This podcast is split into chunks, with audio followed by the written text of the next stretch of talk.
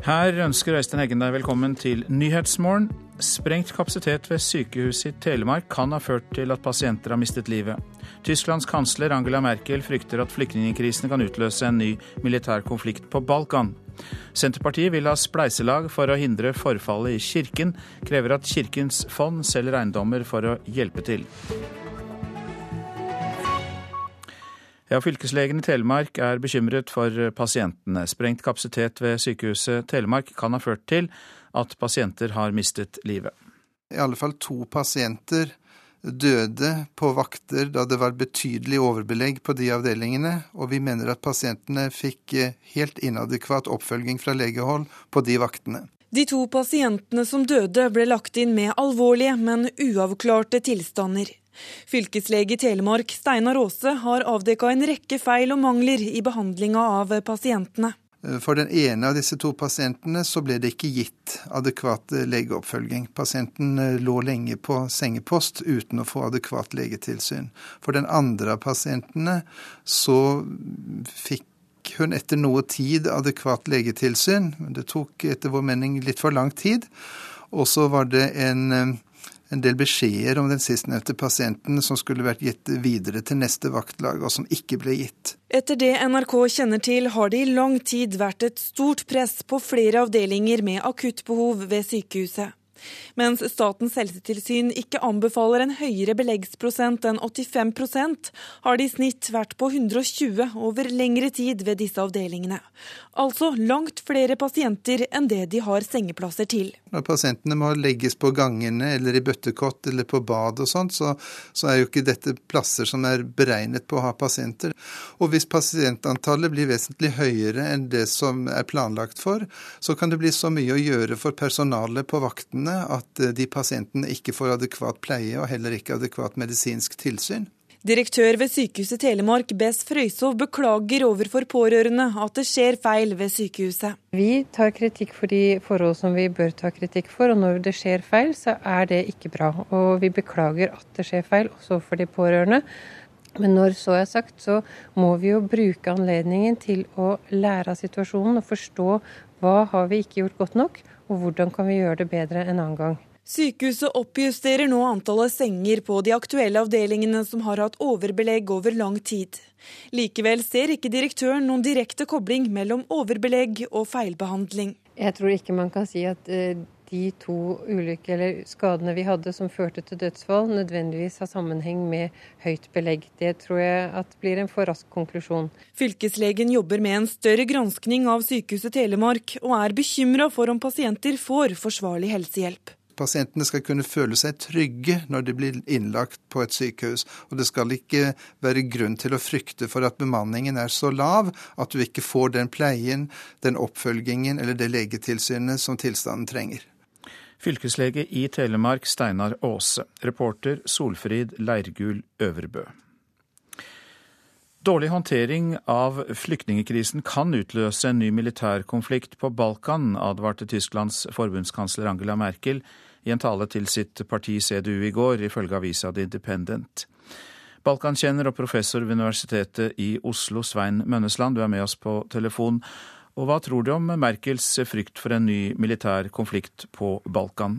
Ja, uttalelsen kan jo virke litt overdrevet, og den er nok beregnet først og fremst på innenrikspolitiske opinionen i Tyskland. Men uh, Merkel kjenner jo Balkan, og jeg forstår hva hun mener, hva hun tenker på. Dis, uh, denne situasjonen vil jo oppstå hvis Tyskland blir tvunget til å stenge grensene og innvandringen fortsetter. Da vil disse landene få store problemer. Og dette er jo Europas fattigste land med stor arbeidsløshet, med spenninger etter krigene på 90-tallet, og flere av landene har også interne spenninger. Så jeg forstår at i en sånn situasjon så vil alt kunne skje på Balkan. Det er altså avhengig, som du tror, av om grensene lenger nord blir stengt og presset øker på Balkan. Hvor hardt vil du si disse landene er presset nå? Ja, Foreløpig så har disse landene klart å takle Eh, flyktningstrømmen ved å sende flyktningene videre. Det har vært en utfordring, det også, men det har de taklet så langt. Men skulle altså Tyskland stenge grensene, så ville Østerrike stenge grensene, Slovenia, Kroatia, Serbia og landene i syd vil da få eh, en eh, flyktningstrøm som de ikke kan takle. om. Og mange av disse landene har altså interne problemer, så konfliktene kan, ofte, kan kanskje like godt bli internt som mellom statene. Skulle f.eks. Bosnia-Hercegovina, som er den mest sårbare av alle statene på Balkan, få en flyktningstrøm, så vil det kunne skape en helt ukontrollerbar situasjon som vil kunne utløse en intern konflikt, som vil kunne uh, spre seg til nabostatene. Og Vi så jo for en måned siden at um, situasjonen på grensen mellom Serbia og Kroatia førte til en veldig spent situasjon mellom de to uh, landene.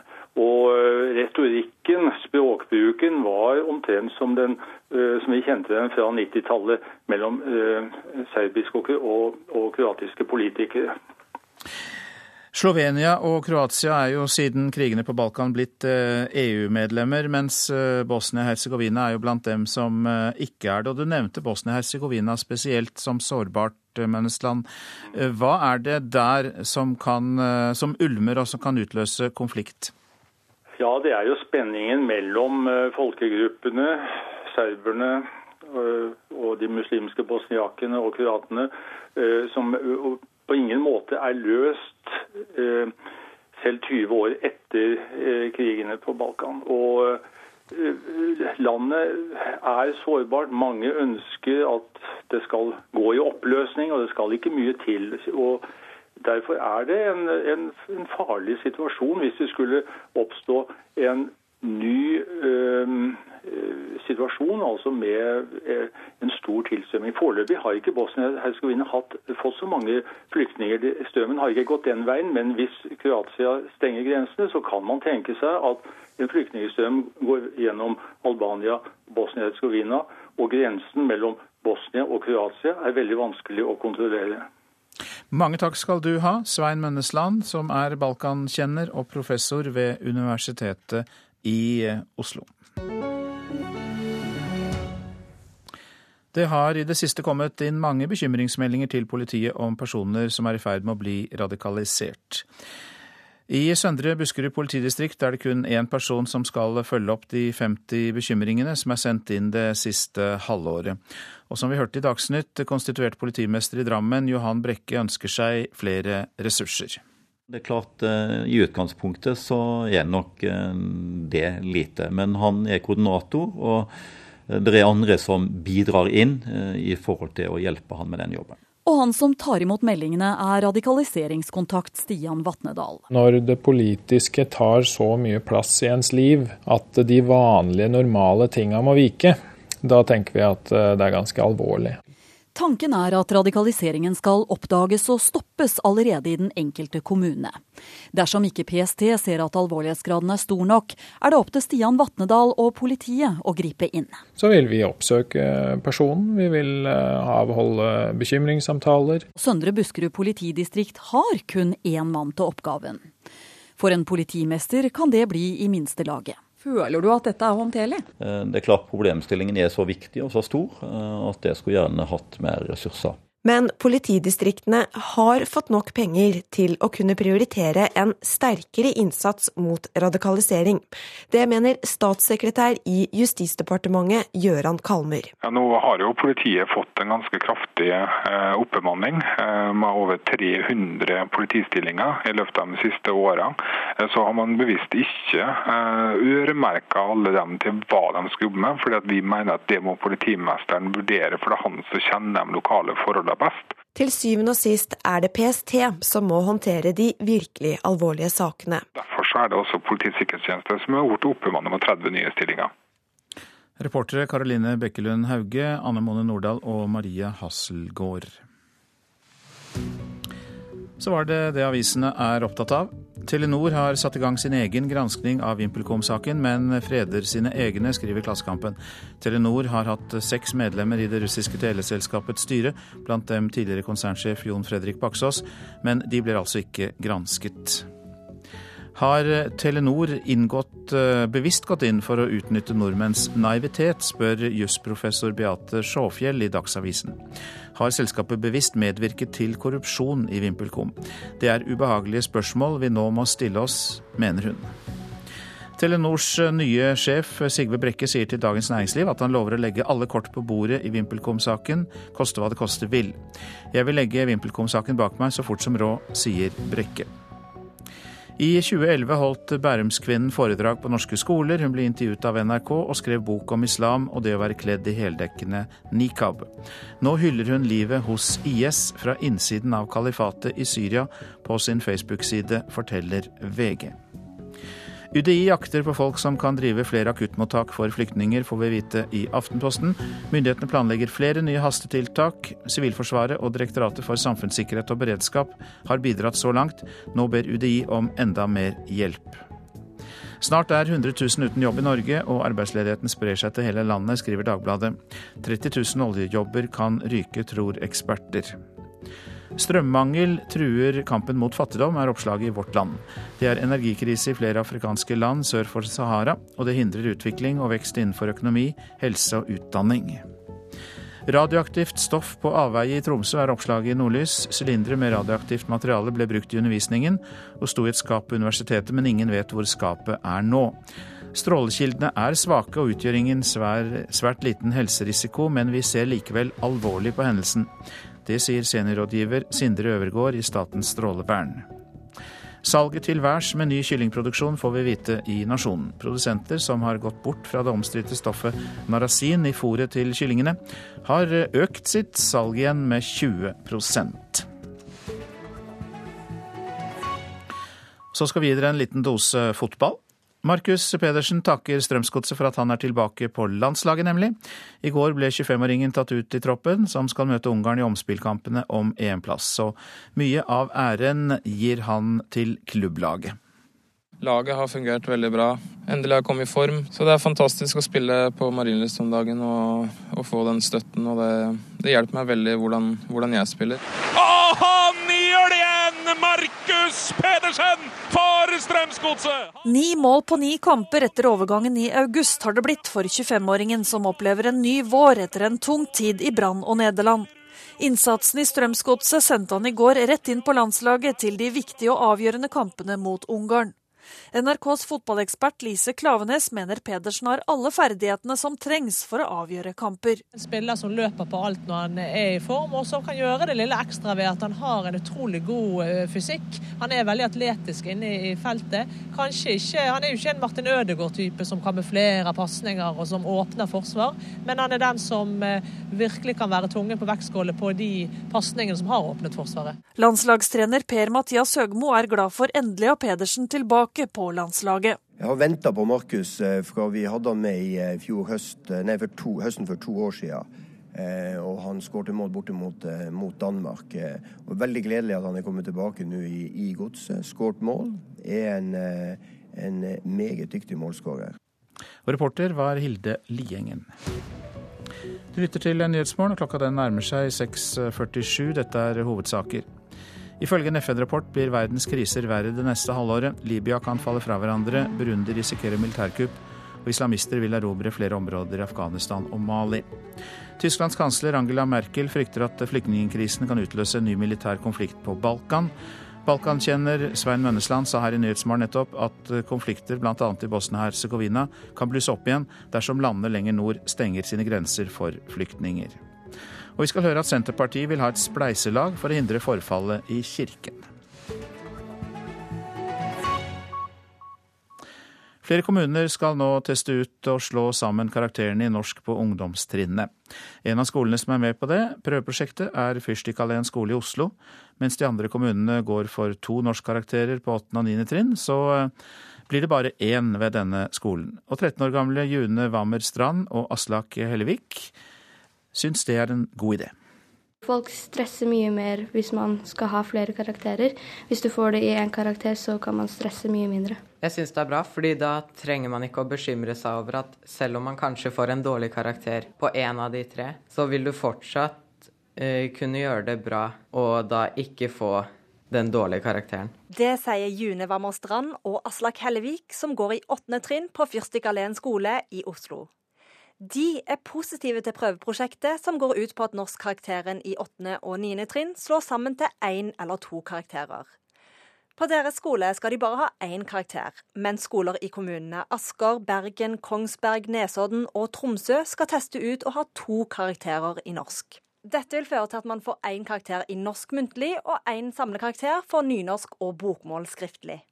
Fungerende rektor ved Fyrstikkalleen skole, Erlend Skåltveit, tror òg at elevene kan få nytte av å teste ut ordningen med bare én norsk karakter. Istedenfor tre karakterer nå, så har man én karakter i muntlig norsk, én karakter i sidemål og én karakter i hovedmål. Vi syns det er et ganske unaturlig skille. Derfor så ønsker vi at de tre karakterene blir slått sammen til én karakter, som da er norskkarakteren. Ved å ha bare én karakter, så slipper vi å kjøre et parallelt løp med tre forskjellige karakterer, og vi kan konsentrere oss om enkeltemner eh, for å få mer fordypning. Hva kan dette bety for elevenes resultater? Vi tror at det at, eh, at elevene konsentrerer seg mer om eh, læring enn om den, det, den, tallkarakteren, så vil de få, en, eh, få muligheten til å fordype seg mer i faget. og at dette vil slå positivt ut for eh, læringsresultatene. Raman Chaudhry, leder i Elevorganisasjonen i Oslo, stiller seg positiv til initiativet, men syns det er litt merkelig å bare få én karakter i norsk. Det som vi stusser litt over, det er at man kun har én karakter i norsk i, i, dette prøveprosjektet, når det er så ulike kompetansemål på skriftlig og, og muntlig kompetansemål i norskfaget.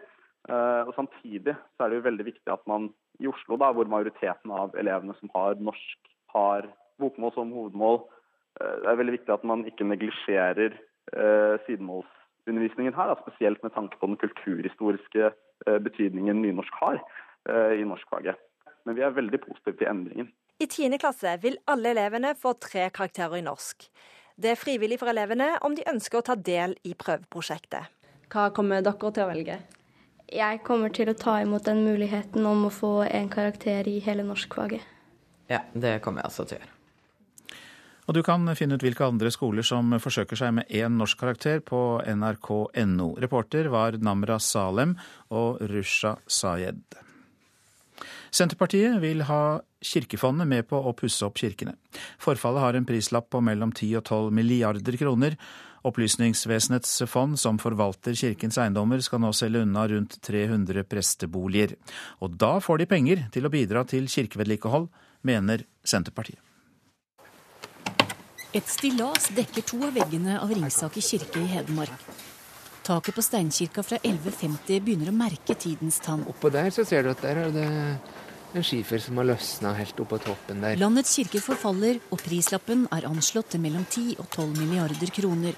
Nå må de som forvalter kirkegodset trå til å hjelpe, mener Senterpartiet. For nå er det jo sånn at um, OVF kommer til å selge ganske mange av sine prestegårder. Og du skulle jo tro at det òg gir en pen avkastning, som går an kanskje å bruke til Eh, og være med i hvert fall i et spleiselag sammen med de som da eier på en måte kirkene. Sier stortingsrepresentant Anne Tingelstad Wøien. Så stillaset skal stå, så skal det bygges videre opp og innpå der. Det er takbjelkene som er blitt Ringsakerkirkas svake punkt. Alt ifra rotten som må skiftes helt ut, til at eh, det kan bare luftes ut og tørkes opp. Sier kirkeverket Kai Ove Berg. Kommunen setter nå årlig av penger til takreparasjoner. For sognet eier kirka, og kommunene har endt opp med vedlikeholdsansvaret. Det er en veldig tung oppgave, og vi vet jo at det er veldig mange kommuner som sliter i utgangspunktet med de lovpålagte tinga de har i oppgave å drive med. I fjor kom den siste tilstandsrapporten fra Kirkelig arbeidsgiver- og interesseorganisasjon. Den viser at hvert femte kirketak er ødelagt, og hver fjerde kirke har dårlige yttervegger. Det er veldig bra akustikk her, da. Men han som er direktør for Kirkefondet, Opplysningsvesenets fond, liker ikke lyden av Senterpartiets forslag. Et pålegg om å bidra til vedlikehold av kirkene vil være en stor belastning for Opplysningsvesenets fond og gå utover de lovpålagte oppgavene vi har. Sier direktør Ole Wilhelm Meyer. Fondet består bl.a. av store skogeiendommer og festetomter. Og årsrapporten for i fjor viser at fondet er på 7,2 milliarder kroner. Men det er bare avkastningen som kan brukes til pålagte formål. Vår oppgave er altså å ta vare på de kulturminnene, prestegårdene som vi har og som skal beholdes også i fremtiden. Og så skal det hvert år deles ut midler fra fondet til kirkelige formål. Eh, den utdelingen er det ikke fondet som bestemmer, det er det departementet som bestemmer. Men Kulturdepartementet har ingen planer om å omdirigere bruken av fondets midler over på kirkevedlikehold, sier kulturminister Toril Vidvei til NRK. Jeg sier ikke at nå skal OVF bidra med så og så mye fra 1.1.2016, men eh, det må berede grunnen for det. Det blir et forklaringsproblem både for kirka og for staten hvis vi sier at eh, nei, vi kan ikke bruke noen av de penga til å vedlikeholde kirkene våre. Eh, da får heller kirkene falle ned sammen. Senterpartiets Anne Tingelstad Wøien der, og reporter Torunn Myhre. Du har kanskje ikke tatt det helt inn over deg, men det nærmer seg jul. Og de som forbereder teatrenes juleforestillinger er godt i gang. Fredag har Nøtteknekkeren nypremiere på Trøndelag Teater. Ikke Pjotr Tsjajkovskijs versjon, men en spesialskrevet musikal.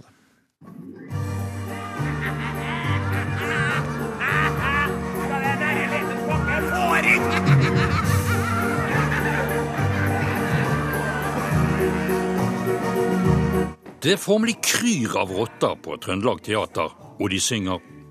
I 2013 hadde denne musikalen, skrevet av Trøndelag Teaters Mats Bones, Mathilde Holdhus og Ove Løseth med musikk av Kyrre Havdal, premiere, og stykket ble en umiddelbar suksess.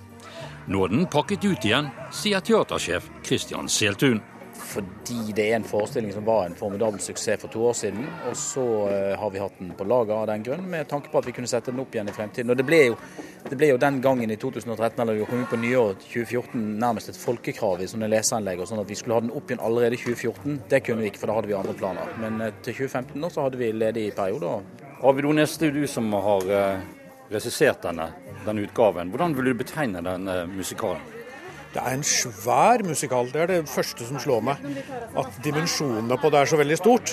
Og det som er flott, er at det er jo helt nyskrevet, og det er skrevet av folk på huset. Så det er ikke noe som er tatt fra andre steder i det hele tatt. Så det er liksom skapt helt fra bånn av, og det er det veldig stas å få jobbe med.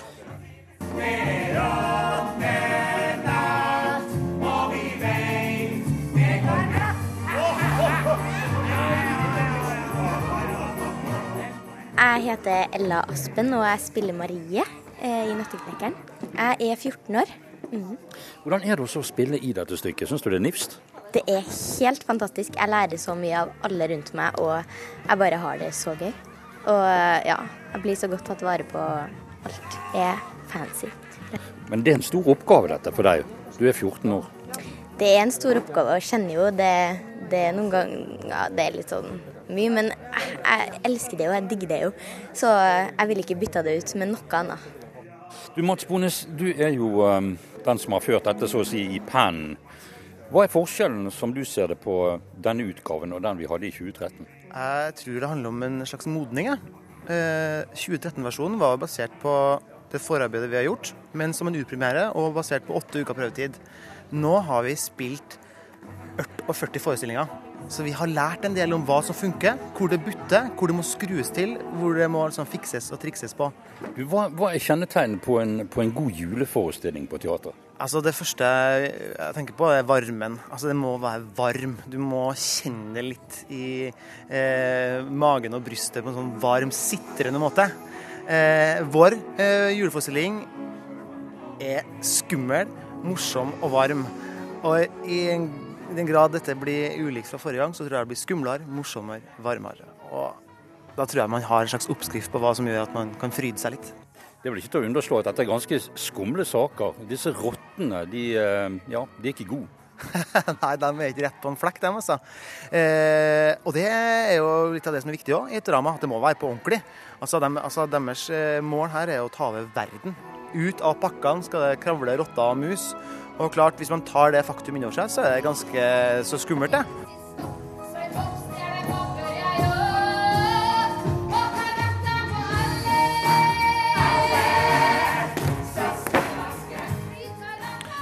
det var reporter Jan Ryer Ravnestad som var innom Trøndelag Teater. Så var det været. Fjell i Sør-Norge. Litt regn lengst nord, ellers delvis skyet opphold. Østafjells skyet eller delvis skyet opphold, lokal tåke. Seint i kveld økning til sørøst til liten kuling på kysten. Det er da vest for Buksøy. Rogaland og Hordaland skyet eller delvis skyet oppholdsvær. I kveld utrygt for litt regn. Sogn og Fjordane og Møre og Romsdal litt regn eller yr. Fra i ettermiddag blir det oppholdsvær. Trøndelag for enkelte regnbyger i dag. I kveld regning til eh, blir det stort sett eh, opphold og ikke regn. Nordland vestlig liten kuling. I ettermiddag minking til bris. Det blir regnbyger. I kveld enkelte sluddbyger lengst nord i fylket. Troms nordvest liten kuling av og til. Regnbyger. Fra i ettermiddag sluddbyger. Kyst- og fjordstrøkene i Finnmark enkelte regnbyger. Fra i ettermiddag nordvestlig stiv kuling utsatte steder. Kortvarig sterk kuling på kysten, og det blir eh, sluddbyger etter hvert. Finnmarksvidda enkelte sluddbyger eller snøbyger, mest i nordlige områder. Nordvestlig liten kuling utsatte steder fra i ettermiddag. Nordensjøland på Spitsbergen litt snø. Temperaturer tar vi med. Disse er målt klokka fire i natt. Svalbard lufthavn minus seks, Kirkenes minus én, Vardø pluss tre. Alta to, Tromsø fire. Bodø og Brønnøysund begge åtte. Trondheim, Værnes og Molde begge ni. Bergen-Flesland 10, Stavanger 8, Kristiansand-Kjevik 9. Gardermoen og Lillehammer 4 grader, Røros 1 grad og Oslo-Blindern hadde 6 grader klokka 4 i natt.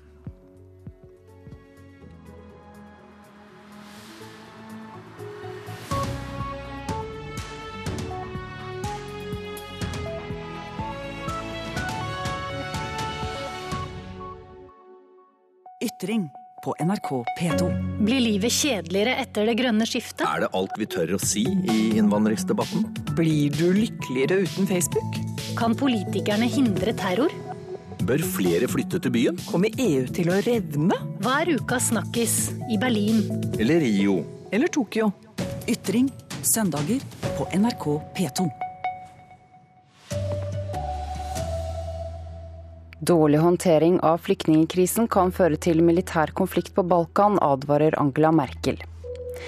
Et spleiselag må til for å hindre at norske kirker forfaller, mener Senterpartiet. Her er NRK Dagsnytt klokken sju ved Ida Creed. Dårlig håndtering av flyktningkrisen kan utløse en ny militær konflikt på Balkan, sa Tysklands forbundskansler Angela Merkel i en tale i går, ifølge den britiske avisen The Independent.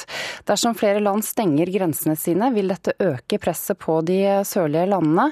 Det kan bli farlig, sier balkankjenner og professor ved Universitetet i Oslo, Svein Mønnesland. Skulle f.eks.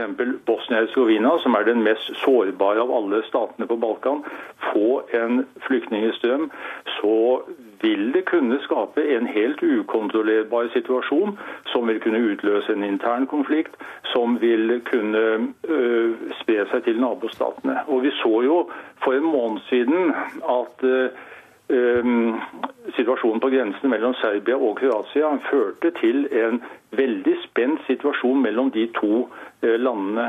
Og retorikken, språkbruken, var omtrent som, den, som vi kjente den fra 90-tallet mellom serbiske og, og kroatiske politikere.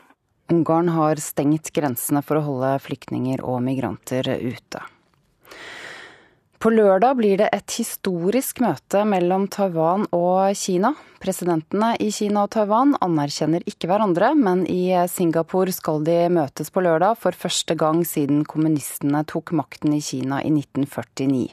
Målet med møtet er ifølge Taiwan å befeste freden mellom de to sidene og opprettholde status quo. Kina hevder at Taiwan er en kinesisk provins. Her hjemme vil Senterpartiet ha et spleiselag for å hindre at norske kirker forfaller. Det sier stortingsrepresentant Anne Tingelstad Wøien. Kirkene trenger oppussing for mellom 10 og 12 milliarder kroner. Og nå må forvalterne av kirkene, Opplysningsvesenets fond, betale for noe av oppussingen, mener hun. For nå er det jo sånn at OVF kommer til å selge ganske mange av sine prestegårder, fordi at boplikta for prestene ble jo nå borte. Og da blir det jo mindre prestegårder å holde ved like, og du skulle jo tro at det òg gir en pen avkastning, som går an kanskje å bruke til å være med i hvert fall i et spleiselag sammen med de som da eier kirkene.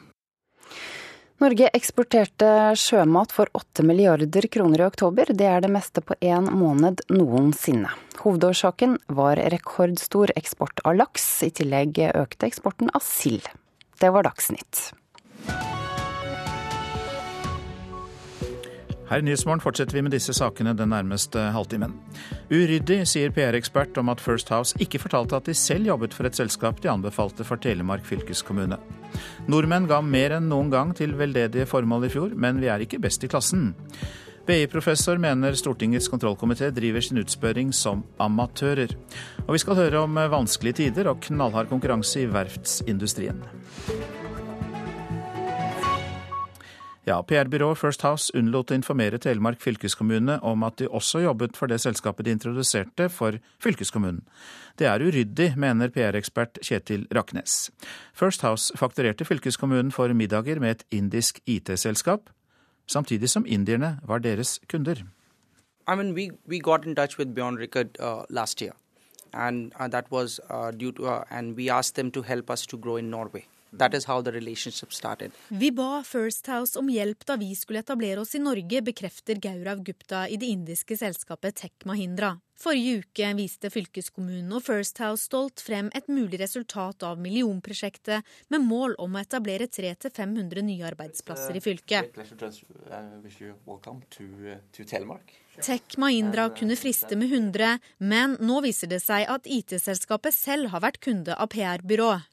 Du, eh, når Tek Mahindra eh, kom til Norge, så visste ambassaden om at vi var opptatt av det indiske sporet. Det vi da gjorde, var å hjelpe Tek Mahindra i kontakt med eh, kunder i Norge, altså i Oslo. Det sier partner i First House Bjørn Rikard Johansen. NRK vet at First House fakturerte Telemark fylkeskommune for middag med IT-selskapet på samme tidspunkt som de også sto på kundelisten deres. Men fylkeskommunen ble aldri informert om kundeforholdet. Det ble de først etter at NRK stilte spørsmål ved dette i forrige uke. Fylkeskommunen understreker at de kjente til nettverket og er uansett glad for den mulige nyetableringen.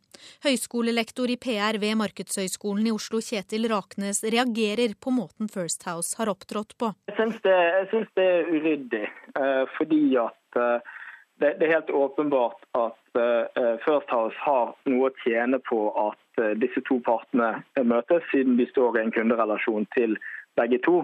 Eh, og Det er jo det viktig for begge de partene å vite at de står i et kundeforhold til begge, for å vurdere verdien og for å vurdere på om dette er en type transaksjon de har lyst til å gå inn i. First House sier i en e-post til NRK at det ikke finnes noen interessekonflikt i saken. Bjørn Rikard Johansen avkrefter at de har fått betalt for at selskapet skal etablere seg i Telemark. Nå er det et avslutta kundeforhold. Vi har ikke noe kundeforhold med, med Tech Mahindra, men vi hjalp de initielt med å sette opp noen møter i Oslo. Så vi har altså hatt kundeoppdrag for Tech Mahindra, men vi så den store verdien. Det var å knytte de med fylket, Telemark, gjennom Invest in Telemark, og derigjennom skape vekst. Men tilbake hos Tech Mahindra hevder de at en del av strategien var å etablere seg utenfor Oslo. First House, uh, when we were entering Norway, we always look for people who know the land. So First House was uh, uh, the company we approached from our side to help us grow in Norway. And Bjorn Rickert has been involved with us in our uh, Norway growth strategy from there. And part of that strategy was to get us uh, established apart from Oslo as well. And that is why Telemark came into picture. Reportere her Veronica Westrin og Line Tomter. Nordmenn ga mer enn noen gang til humanitære innsamlingsaksjoner i 2014. Stadig flere har fadderbarn eller gir faste beløp i måneden til humanitære formål. Ja, jeg gir fast til Røde Kors hver måned. 200 kroner. Vi gir 500 kroner i måneden. Syns det er fint å bidra. I gjennomsnitt ga vi mellom 2000 og 3000 kroner per husstand til humanitære formål i fjor. Det viser tall fra innsamlingskontrollen, supplert med andre kilder. Andelen som gir har økt kraftig i de senere årene, og i de siste årene har også pengebeløpene begynt å gå opp. Det sier forsker Carl Henrik Sivesin ved Institutt for samfunnsforskning. Ifølge han gir de eldre, de med høyere inntekt og utdanning, og familier med barn mer enn andre. Og stadig flere av oss oppfatter det som en plikt å gi. Fordi at eh, verden er urettferdig, og at jeg har råd til å kunne hjelpe der det trengs. De fleste har jo opplevd en, en sterk økning i disponibel inntekt. Og i spørreundersøkelser er det stadig flere som sier at fordi vi har råd til det, føler vi en forpliktelse til å gi penger til frivillige organisasjoner. Selv om den norske stat gir mye uhjelp, er vi ikke på topp internasjonalt når det gjelder privat giverglede. Til tross for skippertak som TV-aksjonen har vi et stykke å gå, sier Sivesin. Vi har jo en dugnadstradisjon, men vi ligger i nedre sjikt sammenlignet med andre rike vestlige land. Sammen med Kirkens Nødhjelp, som nettopp opplevde en topp pga. TV-aksjonen, var det de to fadderbarnorganisasjonene SOS Barnebyer og Plan Norge som fikk inn flest penger i fjor. Litt lenger ned på listene finner vi aktører som retter seg mest mot hjemlig innsats. Ja, jeg gir faktisk en del til um, Blindesaken. Det er det jeg gir fast til. Ifølge innsamlingskontrollen er det trygt å gi til organisasjoner de har godkjent. Da vet man at mye av pengene går til formålet. Men det fins også mange useriøse innsamlere på markedet, advarer leder i innsamlingskontrollen, Børre Hagen. Enkeltaksjoner eh, på Facebook og andre lignende steder, der vil ofte giverne ha liten kjennskap både til hvem som står bak eh, denne aksjonen, og hvordan eh, midlene forvaltes. Og vi legger til at på nrk.no kan du se en liste over organisasjoner det advares mot. Reporter var Tom Ingebrigtsen. Generalsekretær i Norges innsamlingsråd, Siri Nodland, velkommen til oss. Tusen takk. Din organisasjon representerer de fleste ideelle og humanitære organisasjoner som samler inn penger. og for eh, mange, Men likevel så er det slik at mange andre vestlige land gir mer enn oss. Syns du vi burde hatt enda mer giverglede? Jeg må si at jeg er veldig fornøyd med givergleden i Norge. Eh, som du hørte Sivesin sa, så er det økende. Eh, vi ser at det er langt flere som også engasjerer seg frivillig i de ideelle organisasjonene. Eh, I tillegg eh, så er det sånn at i Norge så er det mange statlige overføringer. Så jeg tror at vi skal si at givergleden i Norge er veldig bra. Og at den også er stigende, er jo enda bedre. Og jeg tror jo, når jeg ser på tallene og snakker med våre medlemmer, at det faktisk er et potensial for vekst. Så det må jo være bra. Ja, Du nevnte dette med statlige bidrag. Er det fortsatt mange som føler at de bidrar nok over eh, skatteseddelen? Det er et litt vanskelig spørsmål, fordi det tar vi litt for gitt. Eh, men jeg vet at yngre generasjoner er i ferd med å engasjere seg enda mer i sine hjertesaker. Ikke nødvendigvis bare med penger, men også med penger. Men de er også veldig engasjert for å bidra og jobbe pro bono for sine eh, hjertesaker. Men også å jobbe eh, for å få inn mer penger gjennom egne innsamlingsaksjoner på jobb eller studiesteder.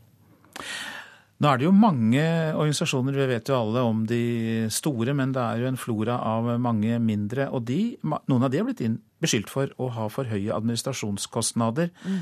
At vinninga går opp i spinninga, rett og slett. Mm. Eh, er du bekymret for det? Administrasjonskostnader er et tilbakevendende tema for eh, organisasjonene. I næringslivet så er det jo faktisk sånn at uh, du vil ikke stole på noen med mindre de har en god administrasjon. Og det samme vil jeg si for ideelle organisasjoner. Det er klart I en oppstartfase så er det store administrasjonskostnader. I en kampanjefase så er det også store administrasjonskostnader. Men jeg vil heller gi til en, eh, en organisasjon som faktisk har en administrasjon, sånn at jeg vet at jeg kan ettergå organisasjonen i sømmene og se at pengene går dit de skal. Men eh, hva syns du om advarslene fra innsamlingskontrollen, eh, der, vi, der de ja, retter en pekefinger mot useriøse organisasjoner? Jeg syns det er betimelig. Jeg er veldig glad for at innsamlingskontrollen finnes. Det er ikke så lett å ha kontroll på nye innsamlingsmetoder, nå som veldig mye etter hvert vil skje i sosiale medier og Eh, ved private initiativ. Jeg er veldig opptatt av at vi skal synliggjøre de organisasjonene som er seriøse. Eh, og jeg anbefaler alltid givere å ta det ansvaret og sørge for at de gir til en organisasjon som har synlighet i forhold til regnskapstall og synlighet i forhold til det de faktisk jobber med. Giverne har også et ansvar, det tar vi med på tampen der. Siri Nådeland, takk skal du ha. Du er generalsekretær i Norges eh, innsamlingsråd. Det er ikke noe rart at daværende konsernsjef i Telenor ikke fortalte alt til Stortingets kontrollkomité i januar. Det sier professor ved Institutt for ledelse og organisasjon ved Handelshøyskolen BI, Petter Gottschalk. Gottschalk mener komiteens medlemmer framstår som amatører i måten de stiller spørsmål på. Nei, det er ikke så rart, fordi eh, situasjonen eh, under en eh, høring virke veldig amatørmessig. Under høringen i Stortingets kontrollkomité i januar i år visste daværende Telenor-sjef Jon Fredrik Baksås mer om VimpelCom-saken enn han fortalte politikerne. Baksås, vær så god, Baksås. Ja, formann, takk. Noe Baksås nå har innrømmet og beklaget gjennom Dagens Næringsliv men medlemmene av komiteen kunne fått bedre svar dersom de hadde forberedt spørsmålene sine grundigere, mener professor ved BI Petter Gottschalk. Altså, formålet med eh, en høring i kontrollkomiteen det er ikke å være domstol. Så man må ha som fokus at hvordan kan vi få mest mulig eh, informasjon for å opplyse en sak. Nå mener han det hersker kaos under høringene det ser jo også ut som, som på begge sider av bordet så, så, vet de egentlig ikke hva de holder på med. Verken de som stiller spørsmål eller, eller de som blir spurt. Og, og, og begge parter som eh, ser ut som at, de, at de, de, er spent på hva som kommer til å skje, begge sider. Gottschalk mener derfor at medlemmene av komiteen har mye å lære av politiet og deres avhørsteknikker. Men dette er leder av komiteen, Martin Kolberg fra Arbeiderpartiet, helt imot. Eh, det vil jeg avvise kategorisk. Kolberg mener Gottschalk tar helt feil. Ja, jeg vil si at uh, ofte så opplever, jeg Gottschalk som uh, en veldig relevant person, som har mange fornuftige synspunkter.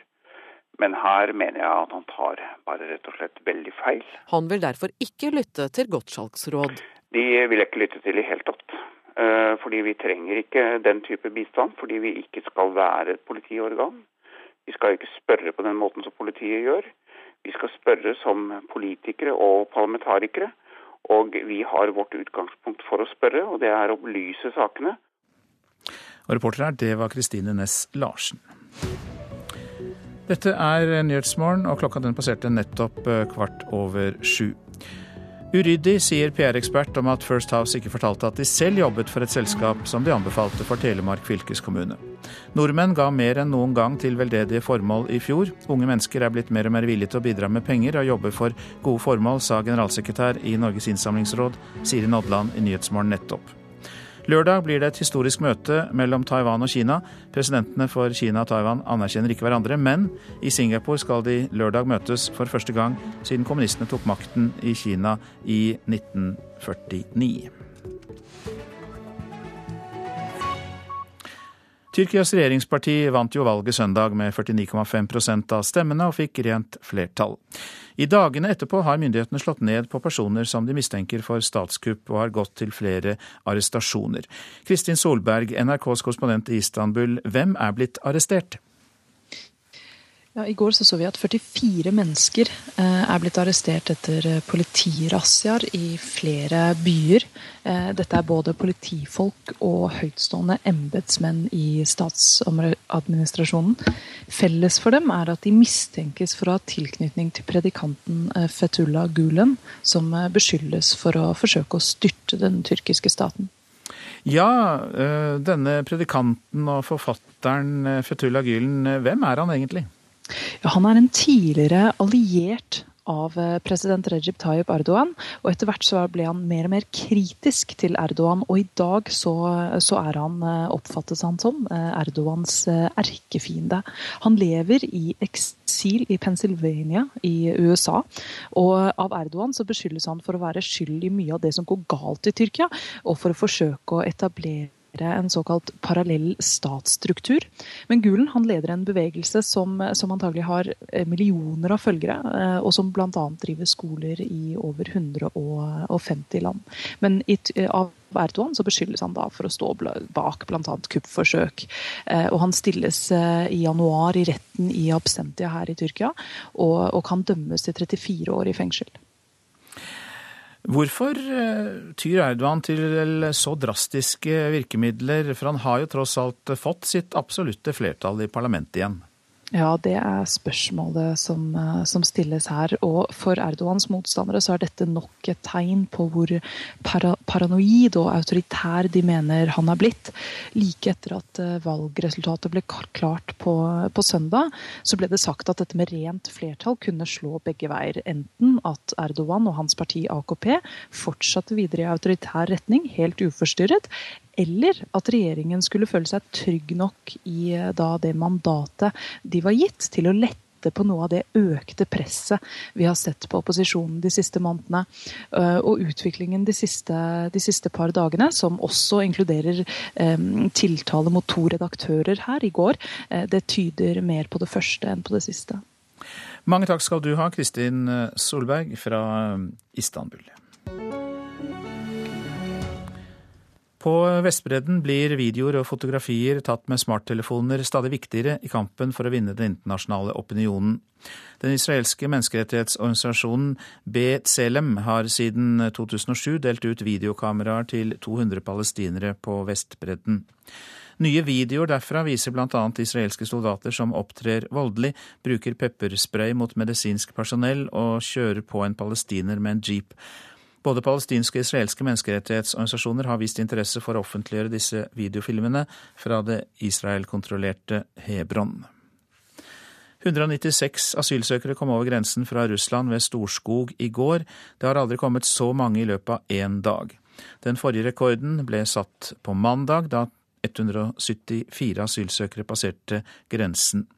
Forrige uke kom det til sammen 793 asylsøkere til denne grensestasjonen i Finnmark, og rundt halvparten av dem var fra Afghanistan. Neste år blir vanskelig for verftsindustrien. Nedgangen i virksomheten knyttes jo til oljebransjen, at det er nedgang der, og verftene møter også tøff konkurranse og færre oppdrag. Men i Måløy i Sogn og Fjordane skal elleve bedrifter samarbeide for å stå bedre rustet. En knallblå lekter er blitt reparert og nylakka på Statjard sin verkstad på Raudeberg i Sogn og Fjordane. Her er bare inne kan si, til en eh, rask overhaling, så dette er ikke noen stor jobb. Daglig leder Agnar Lyng skulle gjerne hatt flere og større oppdrag. Hverdagen i verftsindustrien har hardna til. Færre og mindre oppdrag fra oljenæringa merkes kraftig. Nei, Det er helt klart at konkurransen er knallhard. Altså det som har skjedd innenfor offshore er jo dramatisk. Det sier Kjell Inge Sjåstad som leder båtbygg. Det 70 år gamle verftet har vært med på opp- og nedturer før, men tar nå likevel nye grep for å sikre seg arbeid. Sammen med ni andre virksomheter i området har båtbygg og Statjard dannet Måløy Maritime Group. Det er et eh, trekk for å demme opp for den konkurransen som vi møter når vi skal ut og konkurrere imot Danmark, Tyrkia, Romania, Ukraina og alle de andre verftene som, som er inne og konkurrerer imot oss. Og Målsettinga er jo å komme rundt til drive aktiv eh, markedsføring og oppsøkende virksomhet i forhold til kunder som, som eh, er etablert rundt Nordsjøbassenget. Da hovedfokus på, på Skottland, Shetland og, og Irland, og så Færøyene og Island. Det er ikke bare på Raudeberg de merker en hardere konkurranse. Ifølge Norsk Industri har den samla ordrereserven skrumpa gjennom året. Ja, den ser, jo, den ser, jo, mye dårligere ut enn vi er vant til. Men med de ordrene som ligger inne nå for neste år, så er jo ikke neste år det dårligste året vi har hatt. Sier bransjesjef Lars Gørvel Dahl i Norsk Industri. Han mener verftsnæringa er delt. Oppsummert så er det kort og greit de som jobber med offshore, de har veldig lite å gjøre. De som ikke jobber med offshore, rapporterer mange av de at de har mye å gjøre. Så det er muligheter det er ikke noe, Jeg bruker ikke ordet krise, men det er veldig svart for de som er på offshore. Men for de andre så er det faktisk ikke så veldig svart. Men manko på oljejobber bidrar til at strukturene vrir på seg. I Solund opplever Solund verft at større verft som tidligere konsentrerte seg om nybygg og oljerelatert virksomhet, et seg inn på deres marked innen vedlikehold og reparasjon. Daglig leder Svein Tore Eide burde de ansatte på tøffe tider framover. Vi kommer til å gjøre tiltak hos oss og er nøye til å ruste oss for en, det som kommer til å være nå.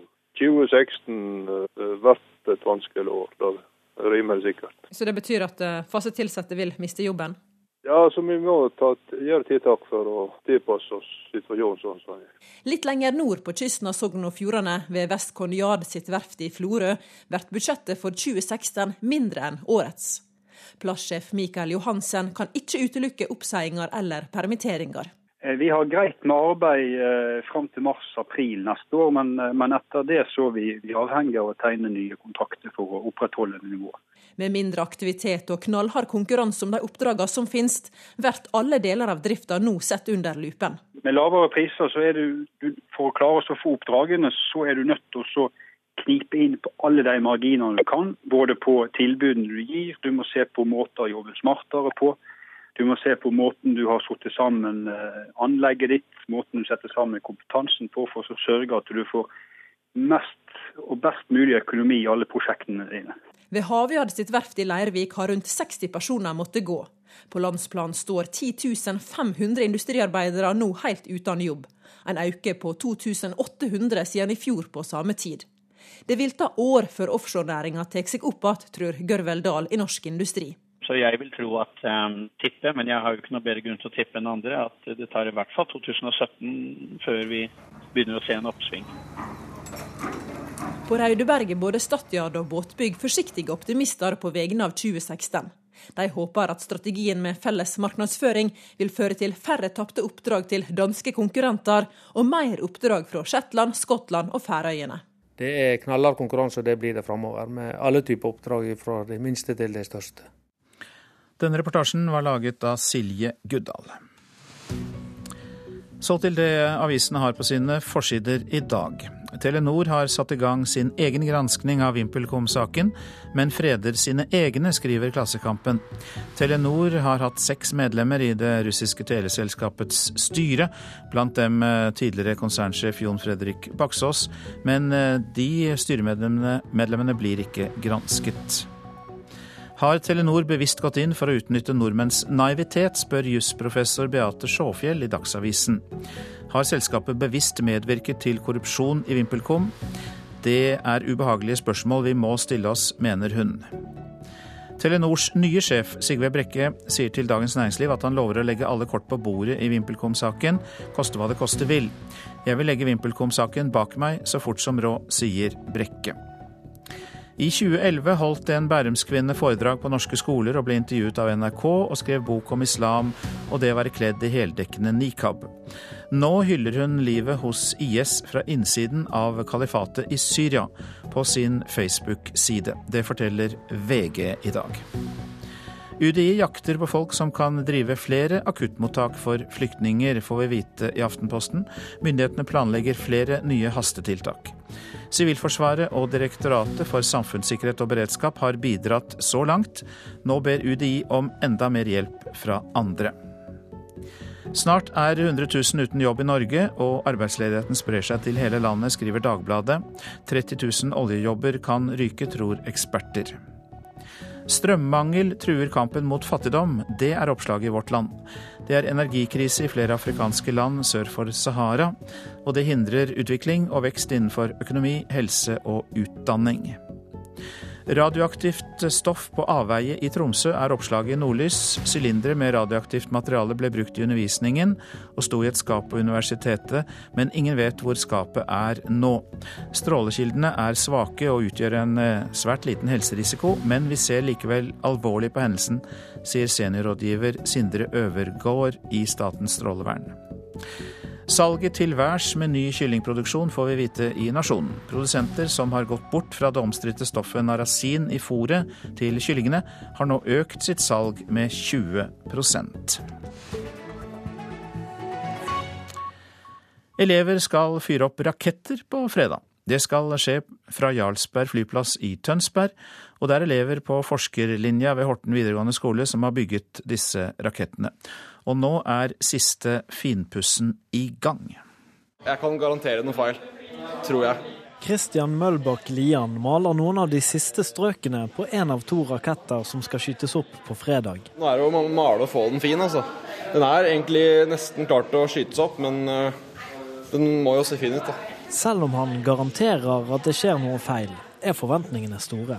Motoren kommer ikke til å starte et eller annet greier, men til slutt så får vi det til. Det er jeg som er rakettforskeren. Siden september har elevene på forskerlinjen ved Horten videregående skole fått hjelp av rakettentusiast Frode Stenså til å bygge raketter. Elevene har kappet, skjært, limt og skrudd, og nå er nesten alt klart før oppskytingen fra Jarlsberg flyplass. Når vi da monterer raketten på oppskytningsrampen, så hever vi den til 87-88 grader. Og når vi trykker på knappen med fjernkontroll, så vil raketten dra av, og motoren vil brenne i 5,5 sekunder. Og så vil raketten da fyke opp til over 1000 meter, eh, hvor da elektronikken gjør at den skyter ut fallskjerm. Så vil den komme ganske kontrollert ned etter det. Eh, jeg har eh, vært med å lage nese og finner. De finnene som er på raketten nå. Og så har vi kjørt ut isopor og finner. Sier Martine Engvik. Elevene har bidratt til ulike deler av raketten. Nå holder jeg på å sy fallskjermen til raketten vår, eh, i håp om at eh, den skal komme trygt ned. da. Sier Synne Molnes. Og nettopp det er det store spørsmålet. Kommer raketten til å komme seg mer enn 1000 meter opp i luften? Og kommer den trygt ned igjen? Eh, altså, vi er jo selvfølgelig spente. Målet er jo ikke treffe E18. og at den kommer trygt ned hadde vært veldig gøy. Og ja, Nei, det, det, blir gøy. Jeg er så nervøs for at den ikke kommer til å spinne. Så, eller at den kommer til å eksplodere eller noe. Så det er sånn Nei. Så jeg er veldig nervøs, men jeg også gleder meg veldig. Jeg er veldig redd for at noe skal gå feil.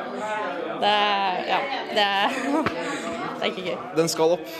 Det er, det er, det som er forventningene, for å si det sånn. Um, ja, det skal fungere. Det må fungere. Og reporter her, det var Henrik Bø. Du lytter til Nyhetsmorgen, produsent Kari Bekken Larsen. I studio i dag, Øystein Heggen. I reportasjen etter Dagsnytt kan du høre at ingenting overlates til tilfeldighetene når amerikanerne skal gi navn til sine nye krigsskip. Integrering av innvandrere og intern strid i den borgerlige leir er temaer for Politisk kvarter kvart på åtte.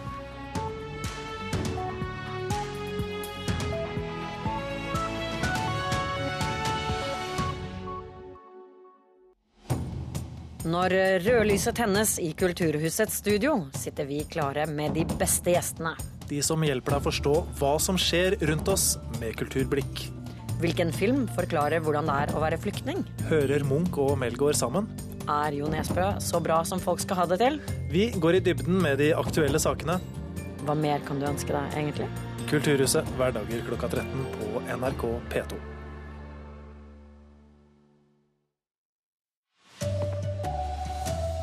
FN varsler flere store kriser det neste halvåret.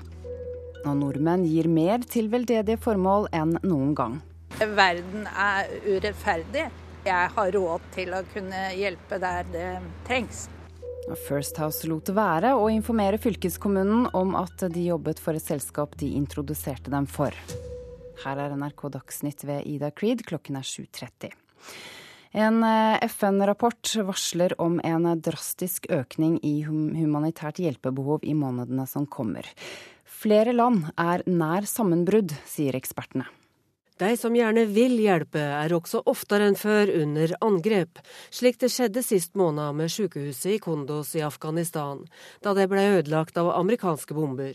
I går ble det demonstrert med tomme bårer som symbol for de mange drepne helsearbeiderne og pasienter. Sykehusene er ikke lenger beskytta, slik opplever Leger uten grenser det. We don't think that hospital is a protected space anymore. Verre er kampen for å få til naudsarbeidet med få midler, for lista over land der hjelpebehovet øker er lang. I Alert Early Warning og Readiness Report blir det peka på flere land som er i ferd med å falle fra hverandre. I Libya er det nå på overtid å få til ei løsning. Ekspertene peker på at militæret kan komme til å ta makta. Da er det også fare for ny borgerkrig. I Burundi er det en trugende og ustabil situasjon. I land som Mali og Afghanistan er militante islamister på frammarsj. Et blanda lyspunkt er at Nigeria og nabolandene nå samarbeider i kampen mot Boko Haram, men ekspertene sier at også lokale militære leier bryter menneskerettene og skaper nye hjelpebehov. Mens Europa ser seg om etter måter å fordele byrdene med de mange flyktningene, er det nå et varsel om flere milliarder kroner som trengs i akutthjelp til andre land. Og FN-ekspertene sier at dette trolig bare er et forsiktig varsel, for snart slår El Niño inn for fullt, og da sier overslag at minst fem millioner mennesker vil komme til å trenge hjelp. Det sa utenriksmedarbeider Sigrun Slappgard. Og nordmenn ga mer enn noen gang til humanitære innsamlingsaksjoner i 2014. Flere har fadderbarn eller gir faste beløp i måneden til humanitære formål. Ja, jeg gir fast til Røde Kors hver måned. 200 kroner. Vi gir 500 kroner i måneden. Syns det er fint å bidra. I gjennomsnitt ga vi mellom 2000 og 3000 kroner per husstand til humanitære formål i fjor. Det viser tall fra innsamlingskontrollen, supplert med andre kilder. Andelen som gir har økt kraftig i de senere årene, og i de siste årene har også pengebeløpene begynt å gå opp. Det sier forsker Carl Henrik Sivesin ved Institutt for samfunnsforskning. Og stadig flere av oss oppfatter det som en plikt å gi. Verden er urettferdig. Jeg har råd til å kunne hjelpe der det trengs. De fleste har jo opplevd en, en sterk økning i disponibel inntekt. Og i spørreundersøkelser er det stadig flere som sier at fordi vi har råd til det, føler vi en forpliktelse til å gi penger til frivillige organisasjoner. Selv om den norske stat gir mye uhjelp, er vi ikke på topp internasjonalt når det gjelder privat giverglede. Til tross for skippertak som TV-aksjonen har vi et stykke å gå, sier Sivesin. Vi har jo en dugnadstradisjon, men vi ligger i nedre sjikt sammenlignet med andre rike vestlige land. Ifølge innsamlingskontrollen er det trygt å gi til organisasjoner de har godkjent. Men det fins også mange useriøse innsamlere på markedet, advarer leder i innsamlingskontrollen, Børre Hagen. Enkeltaksjoner eh, på Facebook og andre lignende steder, der vil ofte giverne ha liten kjennskap både til hvem som står bak eh, denne aksjonen, og hvordan eh, midlene forvaltes. Og på nrk.no kan du se en liste over organisasjoner det advares mot. Reporter Tom Ingebrigtsen. PR-byrået First House unnlot å fortelle om bindinger da de jobbet for fylkeskommunen i Telemark. Det er uryddig, mener PR-ekspert Kjetil Raknes. Byrået sendte regning for middag med et indisk selskap til fylkeskommunen, samtidig som inderne var kunder av First House. Vi ba First House om hjelp da vi skulle etablere oss i Norge, bekrefter Gaurav Gupta i det indiske selskapet Tech Mahindra. Forrige uke viste fylkeskommunen og First House stolt frem et mulig resultat av millionprosjektet, med mål om å etablere 300-500 nye arbeidsplasser i fylket.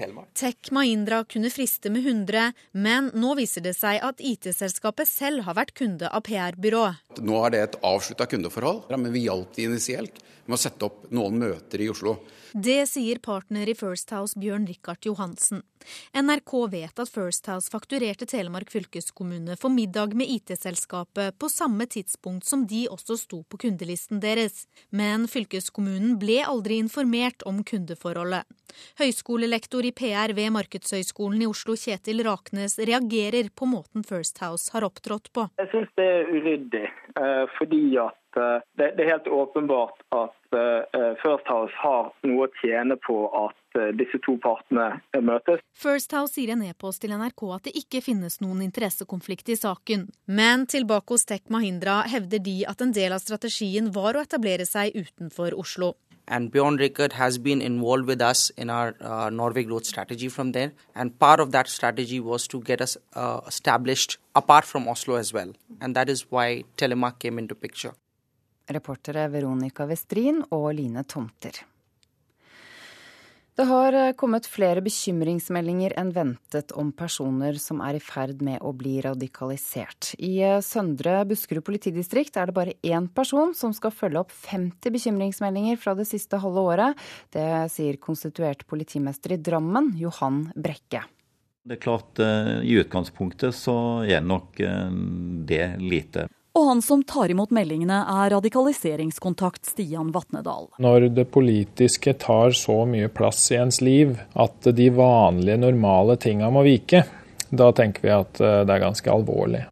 Tanken er at radikaliseringen skal oppdages og stoppes allerede i den enkelte kommune. Dersom ikke PST ser at alvorlighetsgraden er stor nok, er det opp til Stian Vatnedal og politiet å gripe inn. Så vil vi oppsøke personen, vi vil eh, avholde bekymringssamtaler. Søndre Buskerud politidistrikt har kun én mann til oppgaven. For en politimester kan det bli i minste laget. Føler du at dette er håndterlig? Eh, det er klart Problemstillingen er så viktig og så stor eh, at det skulle gjerne hatt mer ressurser. Men politidistriktene har fått nok penger til å kunne prioritere en sterkere innsats mot radikalisering. Det mener statssekretær i Justisdepartementet Gøran Kalmer. Ja, nå har jo politiet fått en ganske kraftig eh, oppbemanning, eh, med over 300 politistillinger i løpet av de siste årene. Eh, så har man bevisst ikke eh, øremerka alle dem til hva de skal jobbe med, fordi vi mener at det må politimesteren vurdere, for det er han som kjenner de lokale forholdene aller best. Til syvende og sist er det PST som må håndtere de virkelig alvorlige sakene. Derfor er det også Politiets sikkerhetstjeneste som har blitt oppbemannet med 30 nye stillinger. Reportere her var Karoline Bekkelund Hauge, Anne Mone Nordahl og Maria Hasselgaard. Senterpartiet vil ha Kirkefondet med på å pusse opp kirkene. Forfallet har en prislapp på mellom 10 og 12 milliarder kroner. Opplysningsvesenets fond, som forvalter kirkegodset, skal nå selge unna rundt 300 presteboliger. Og da får de penger til å bidra til vedlikehold av kirkene, mener Senterpartiet. Et stillas dekker to av veggene av Ringsaker kirke i Hedmark. Taket på steinkirka fra 1150 begynner å merke tidens tann. En skifer som har løsna helt oppå toppen der. Landets kirker forfaller, og prislappen er anslått til mellom 10 og 12 milliarder kroner. Nå må de som forvalter kirkegodset trå til å hjelpe, mener Senterpartiet. For nå er det jo sånn at um, OVF kommer til å selge ganske mange av sine prestegårder. Og du skulle jo tro at det òg gir en pen avkastning, som går an kanskje å bruke til og være med i hvert fall i et spleiselag sammen med de som da eier kirkene. Sier stortingsrepresentant Anne Tingelstad Wøien. Det er veldig bra akustikk her, da. Men han som er direktør for Kirkefondet, Opplysningsvesenets fond, liker ikke lyden av Senterpartiets forslag. Et pålegg om å bidra til vedlikehold av kirkene vil være en stor belastning for Opplysningsvesenets fond og gå utover de lovpålagte oppgavene vi har. Sier direktør Ole Wilhelm Meyer. Årsrapporten for i fjor viser at fondet er på 7,2 milliarder kroner. Men det er bare avkastningen som kan brukes til pålagte formål. Eh, den utdelingen er det ikke fondet som bestemmer, det er det departementet som bestemmer. Det blir et forklaringsproblem for, eh, både for kirka og for staten hvis vi sier at eh, nei, vi kan ikke bruke noen av de penga til å vedlikeholde kirkene våre.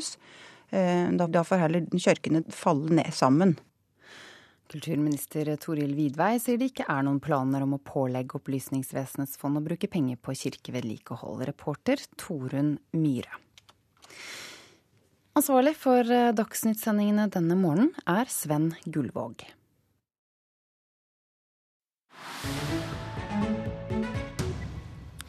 Dette er Nyhetsmorgen. I helgen ble et amerikansk marinefartøy døpt USS Rafael Peralta. Det var etter en marinesoldat som ble drept under kampene om Fallujah i Irak for elleve år siden. Joar Ho Larsen kan fortelle at ingenting er overlatt til tilfeldighetene når amerikanerne gir navn til sine krigsskip. Ladies and gentlemen, the President of the United States.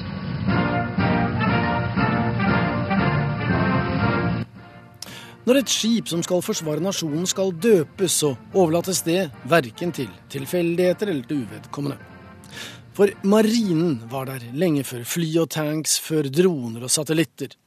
Så da president Theodore Roosevelt i 1907 ville markere at USA var en verdensmakt og burde bli behandlet deretter av resten av verden, da sendte han 16 krigsskip på et 14 måneders tokt kloden rundt. Og i dag, som den gang, er det regler for hvilke skipstyper og klasser av fartøy som kan bære hva slags navn. Regler som riktignok er i stadig endring, ikke minst pga. teknisk utvikling og nye båter, men også pga. nye tanker og andre behov. Slagskip ble tradisjonelt oppkalt etter stater. Den noe mindre typen battle cruisers har lenge fått navn etter berømte skip, eller slag. Kryssere får gjerne bynavn, mens undervannsbåter tradisjonelt har hentet navn fra andre fenomener og skapninger under vann. And now, ladies and gentlemen, the moment we've all been waiting for. The christening of the submarine Illinois. Så akkurat der har det altså vært en endring, som det ble med hangarskip i 1968. Etter den tid kunne de få navn etter amerikanske presidenter. The proud sponsor of the USS George H.W. Bush. Men hva da med Rafael Peralta? Den 25 år gamle US Marine som i det andre slaget om Fallujah den 15. november 2004 ofret livet for å redde kameratene. Han er den mest berømte marine fra krigen i Irak. Og destroyere kan oppkalles etter helter. Peralta var hardt såret, men greide med sine siste krefter å skyve en usikret fiendtlig håndgranat inn under egen kropp, slik at han tok støyten da granaten eksploderte. Mange liv ble reddet, mens Peralta paid the ultimate price, som amerikanerne og de overlevende sier. He's a hero. He's the bravest man I ever knew. God bless the USS John Finn, Ralph Johnson, Raphael Rafael Peralta, and all those who sail in them. The Marines trenger stadig påfyll av nye, modige soldater som har utført uegennyttige bragder for å kunne holde sin heltekultur i hevd. Men det er alltid brønnpissere. Historien er pyntet på, heter det nå.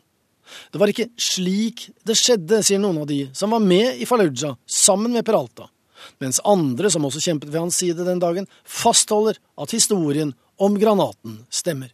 Hans siste tanke og handling var å redde kameratene. Men nå har det gått både politikk og prestisje i saken. Rafael Peralta var nemlig meksikaner. En illegal innvandrer som riktignok døde i kamp for USA, men USA var ikke hans land. Så han ble nektet landets høyeste utmerkelse, Kongressens æresmedalje. Peralta oppfylte kriteriene. Han utviste mot og fryktløshet i møte med fienden, utover det plikten krever og med fare for eget liv. Men han var altså meksikaner og dermed uaktuell. Men marinen fortsetter å behandle Peralta som den helt de mener han var og er, ikke minst fordi noen av hans medmarines fra Fallujah mener at de kan takke ham for at de i dag er i live. Every day that I wake up and I see my wife and my family, I, I owe it all to him.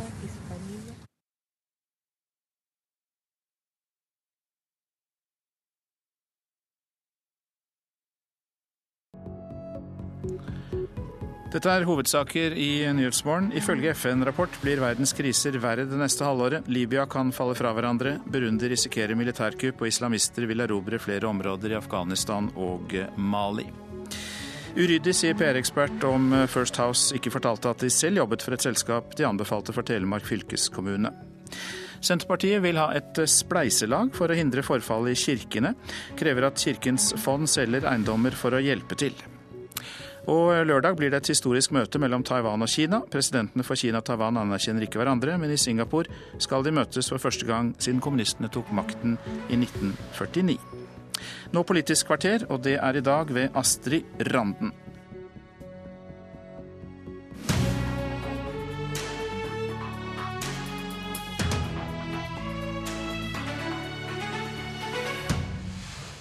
Det kan verke som om det er åpen krig mellom partiene som skal bli samlet om nytt statsbudsjett. Rakner det for Erna Solberg nå, spør vi.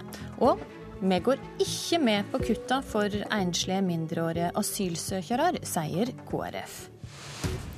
God morgen, du hører på Politisk kvarter.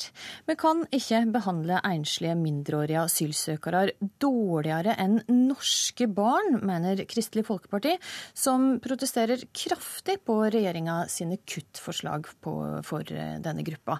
Olaug Bollestad, nestleder i KrF. Av de forslagene som regjeringa la fram på fredag, hva er det du reagerer mest på? Først har jeg lyst til å gi ros til Solveig Horne for mye godt arbeid innenfor integrering.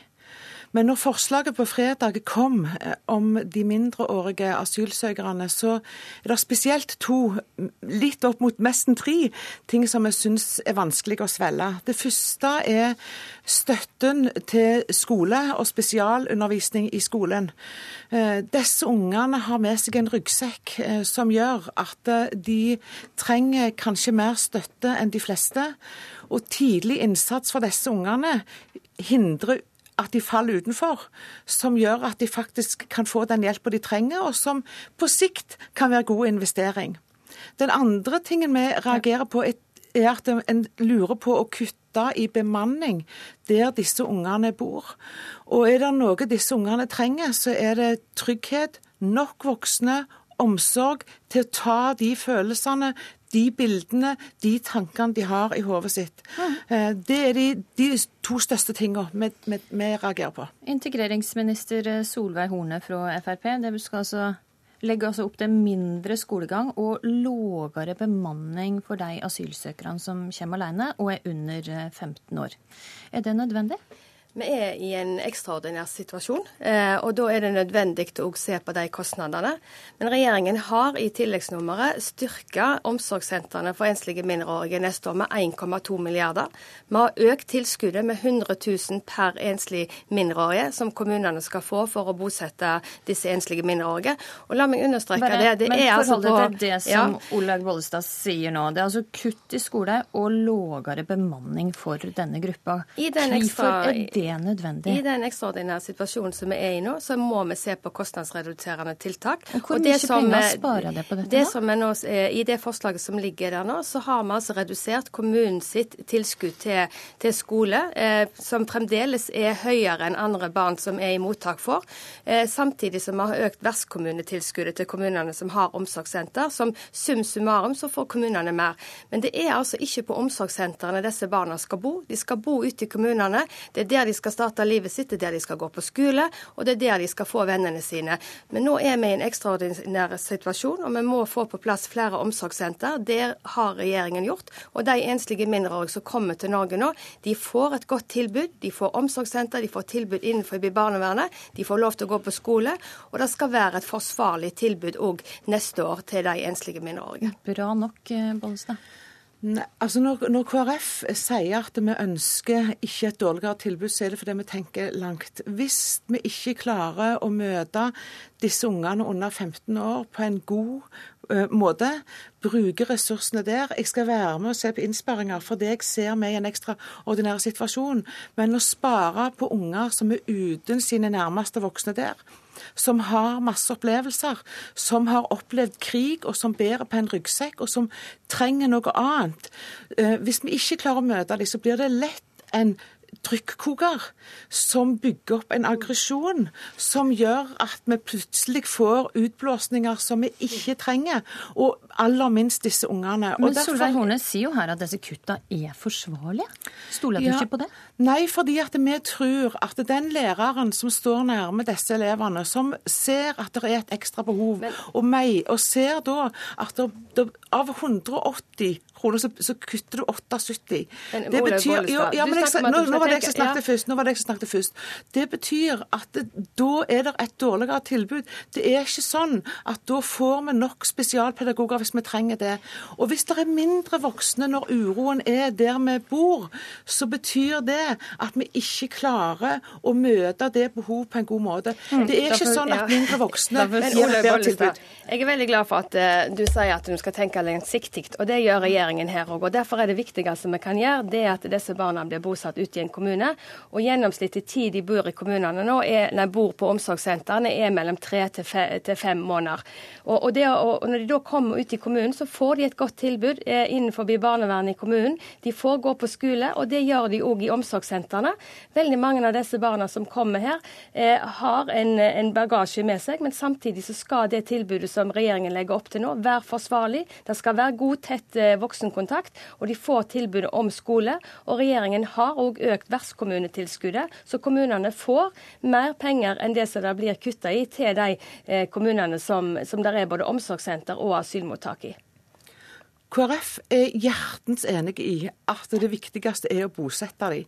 Men allikevel så er det en en tidsperiode ifra de kommer til de blir plassert, som er kanskje noe av det viktigste møtet de har med en helt annen kultur. Og hvis vi mislykkes der, så kan det være et helt annet arbeid for kommunene når de skal bosette.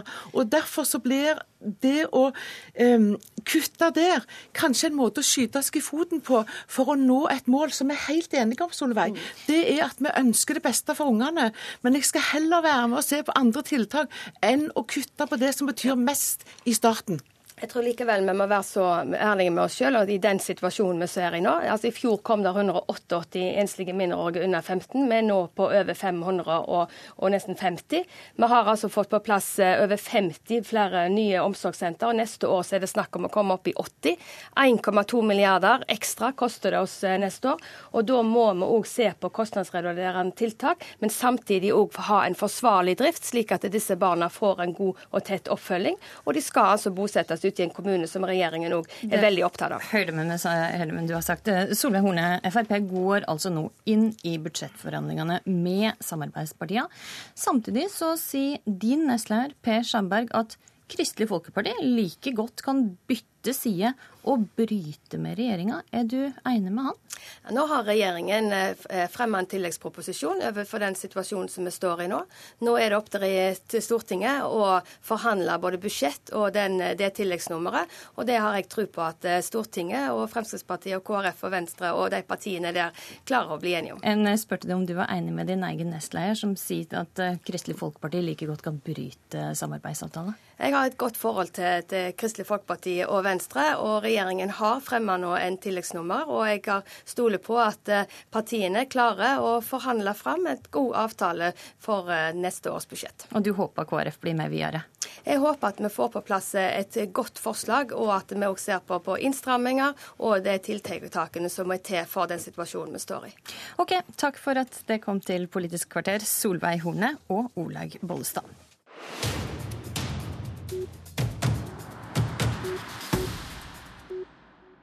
Konflikta mellom Frp og Kristelig Folkeparti verka mer tilspissa enn noen gang. Utelat Frp fra asylforliket, sier tidligere statsminister Kjell Magne Bondevik. Trekk dere fra samarbeidsavtalen, svarte Frp-leder Per Sandberg.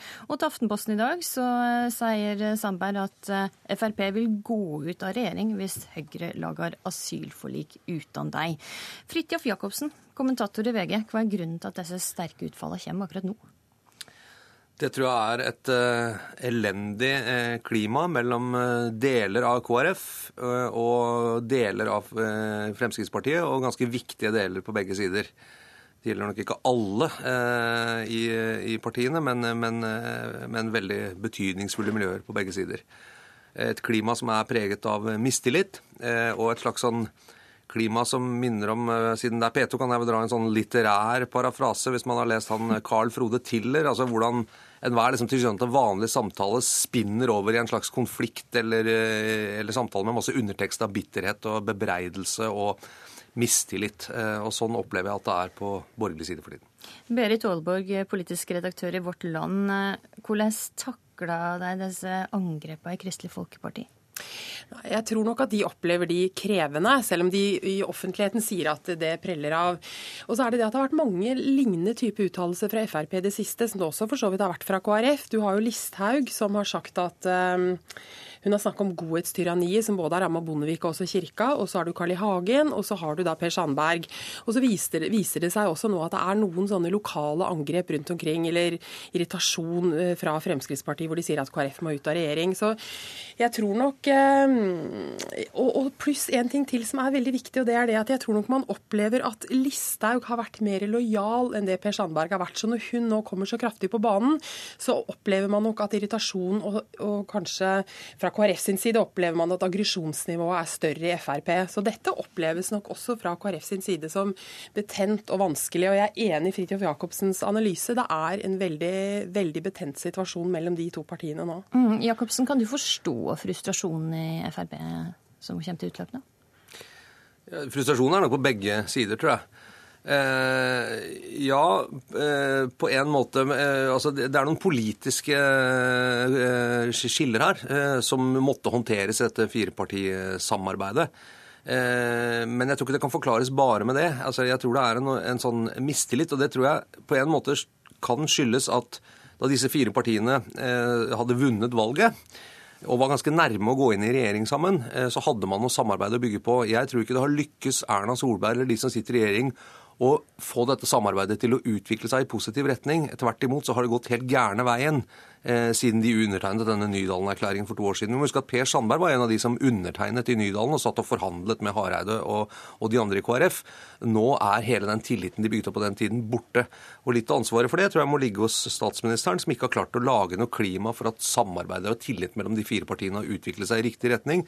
Tvert imot så har det gått helt feil. Og da, mm, da, da, da bare spinner ting litt ut av kontroll, for da mm. tar du alltid verste mening. Mm. I VG i dag så skriver du at det kanskje er for seint å redde det borgerlige samarbeidet? Hva mener du? Nei, altså jeg, jeg, tviler på på at vi fra sånn regjeringen ryker og sånne ting. Skal ikke utelukke noen ting. Men jeg tror at uh, muligheten for at dette alternativet med disse fire partiene, som var et helt klart alternativ før valget i 2013, kommer til å være et alternativ i 2017 eh, den tror jeg allerede har gått. Det er klart at Når disse fire partiene som skulle samarbeide, bare ender rett i en ganske opprivende konflikt med to av de viktigste partiene i den viktigste saken for Erna Solbergs eh, statsministerperiode, nemlig flyktningkrisen, så blir det veldig rart å se at dette er et politisk samarbeid som egentlig har livets rett. Eh, da er rett og slett både det personlige og det politiske forholdene ikke til stede for å ha et slikt samarbeid. Eh, og, det, og, det, og Derfor så sier jeg at det, det, nå er i ferd med å rakne. Altså hennes prosjekt som hun var med å bygge opp, er i ferd med å rakne. Tror du også det, Alborg? Ja, jeg tror også det. Men så vil jeg også si at dette prosjektet som de fire partiene nå sitter sammen om, det er lenge siden i Norge at vi har hatt et prosjekt som har spent så bredt politisk. For det er en veldig stor sammenheng fra Fremskrittspartiet på den ene sida og til KrF på den andre sida. Og jeg tror det er Snoen i Minerva som har sagt at KrF har vært en um, sosialdemokratisk festbrems. Det sa han ganske tidlig. Det er altså den økonomiske politikken og også politikken på flyktningpolitikk, asyl, alle disse tingene. Det er veldig stor politisk avstand, faktisk. Så i tillegg til at man kanskje kunne håndtert, uh, uh, håndtert det annerledes, så er også den politiske avstanden veldig krevende. Mm. I ettermiddag så er det et gruppemøte i Frp, der de skal snakke om asylforhandlingene og, og se om de vil være med på alle, dette forliket på asylpolitikken. Hva er det venta kommer ut av det møtet, Berit Aaberg? Eh, ja, altså Det er jo veldig spennende hva som kommer ut av det. Men det er veldig vanskelig å forestille seg noe annet enn at Fremskrittspartiet skal i hvert fall være med inn i forhandlingene og forsøke å være med på et forlik. Da har jo vært Bondevik foreslo at de ikke skulle være med, men det er veldig krevende å se for seg at de ikke er med på et sånn type forlik. Både fordi de sitter i regjering, og fordi det ville blitt et veldig smalt eh, forlik hvis ikke Frp var med. Så, og Jeg kan ikke forestille meg at Erna Solberg heller vil ønske å lage en type forlik der hvor det ene store regjeringspartiet ikke er med. Det vil mm. bli veldig vanskelig å håndtere, tror jeg. Jacobsen, hva tenker du om dette? Et regjeringsparti er jo nødt til å være med på den politikken som skal føres i møte med flyktningkrisen. Et regjeringsparti som har justisministeren, finansministeren, inkluderingsministeren, eh, må jo stille seg bak den politikken som, eh, som føres. Så dette om at Frp ikke skal være med på det forliket eller det som blir resultatet, det er utenkelig. Da kan de ikke sitte i regjering. og Hvis de gjør det, så er jo norsk politikk blitt en farse. Eh, men, men, hvilken pris vil det bli for å få dem med, og også for å få KrF med, kanskje også i denne runden? Jeg har sammenlignet det med at Erna Solberg blir litt sånn som du har fire barn som skriker helt vilt eh, på et tog, og så for å få dem til å holde kjeft, så gir hun dem alt de vil ha boller og brus og sjokolade. Det kan jo funke akkurat der òg, men veldig dårlig på sikt. Og med den sammenligninga så avslutta vi Politisk kvarter. Takk for at det kom, Fridtjof Jacobsen og Berit Aaborg. I studio i dag var Astrid Randen.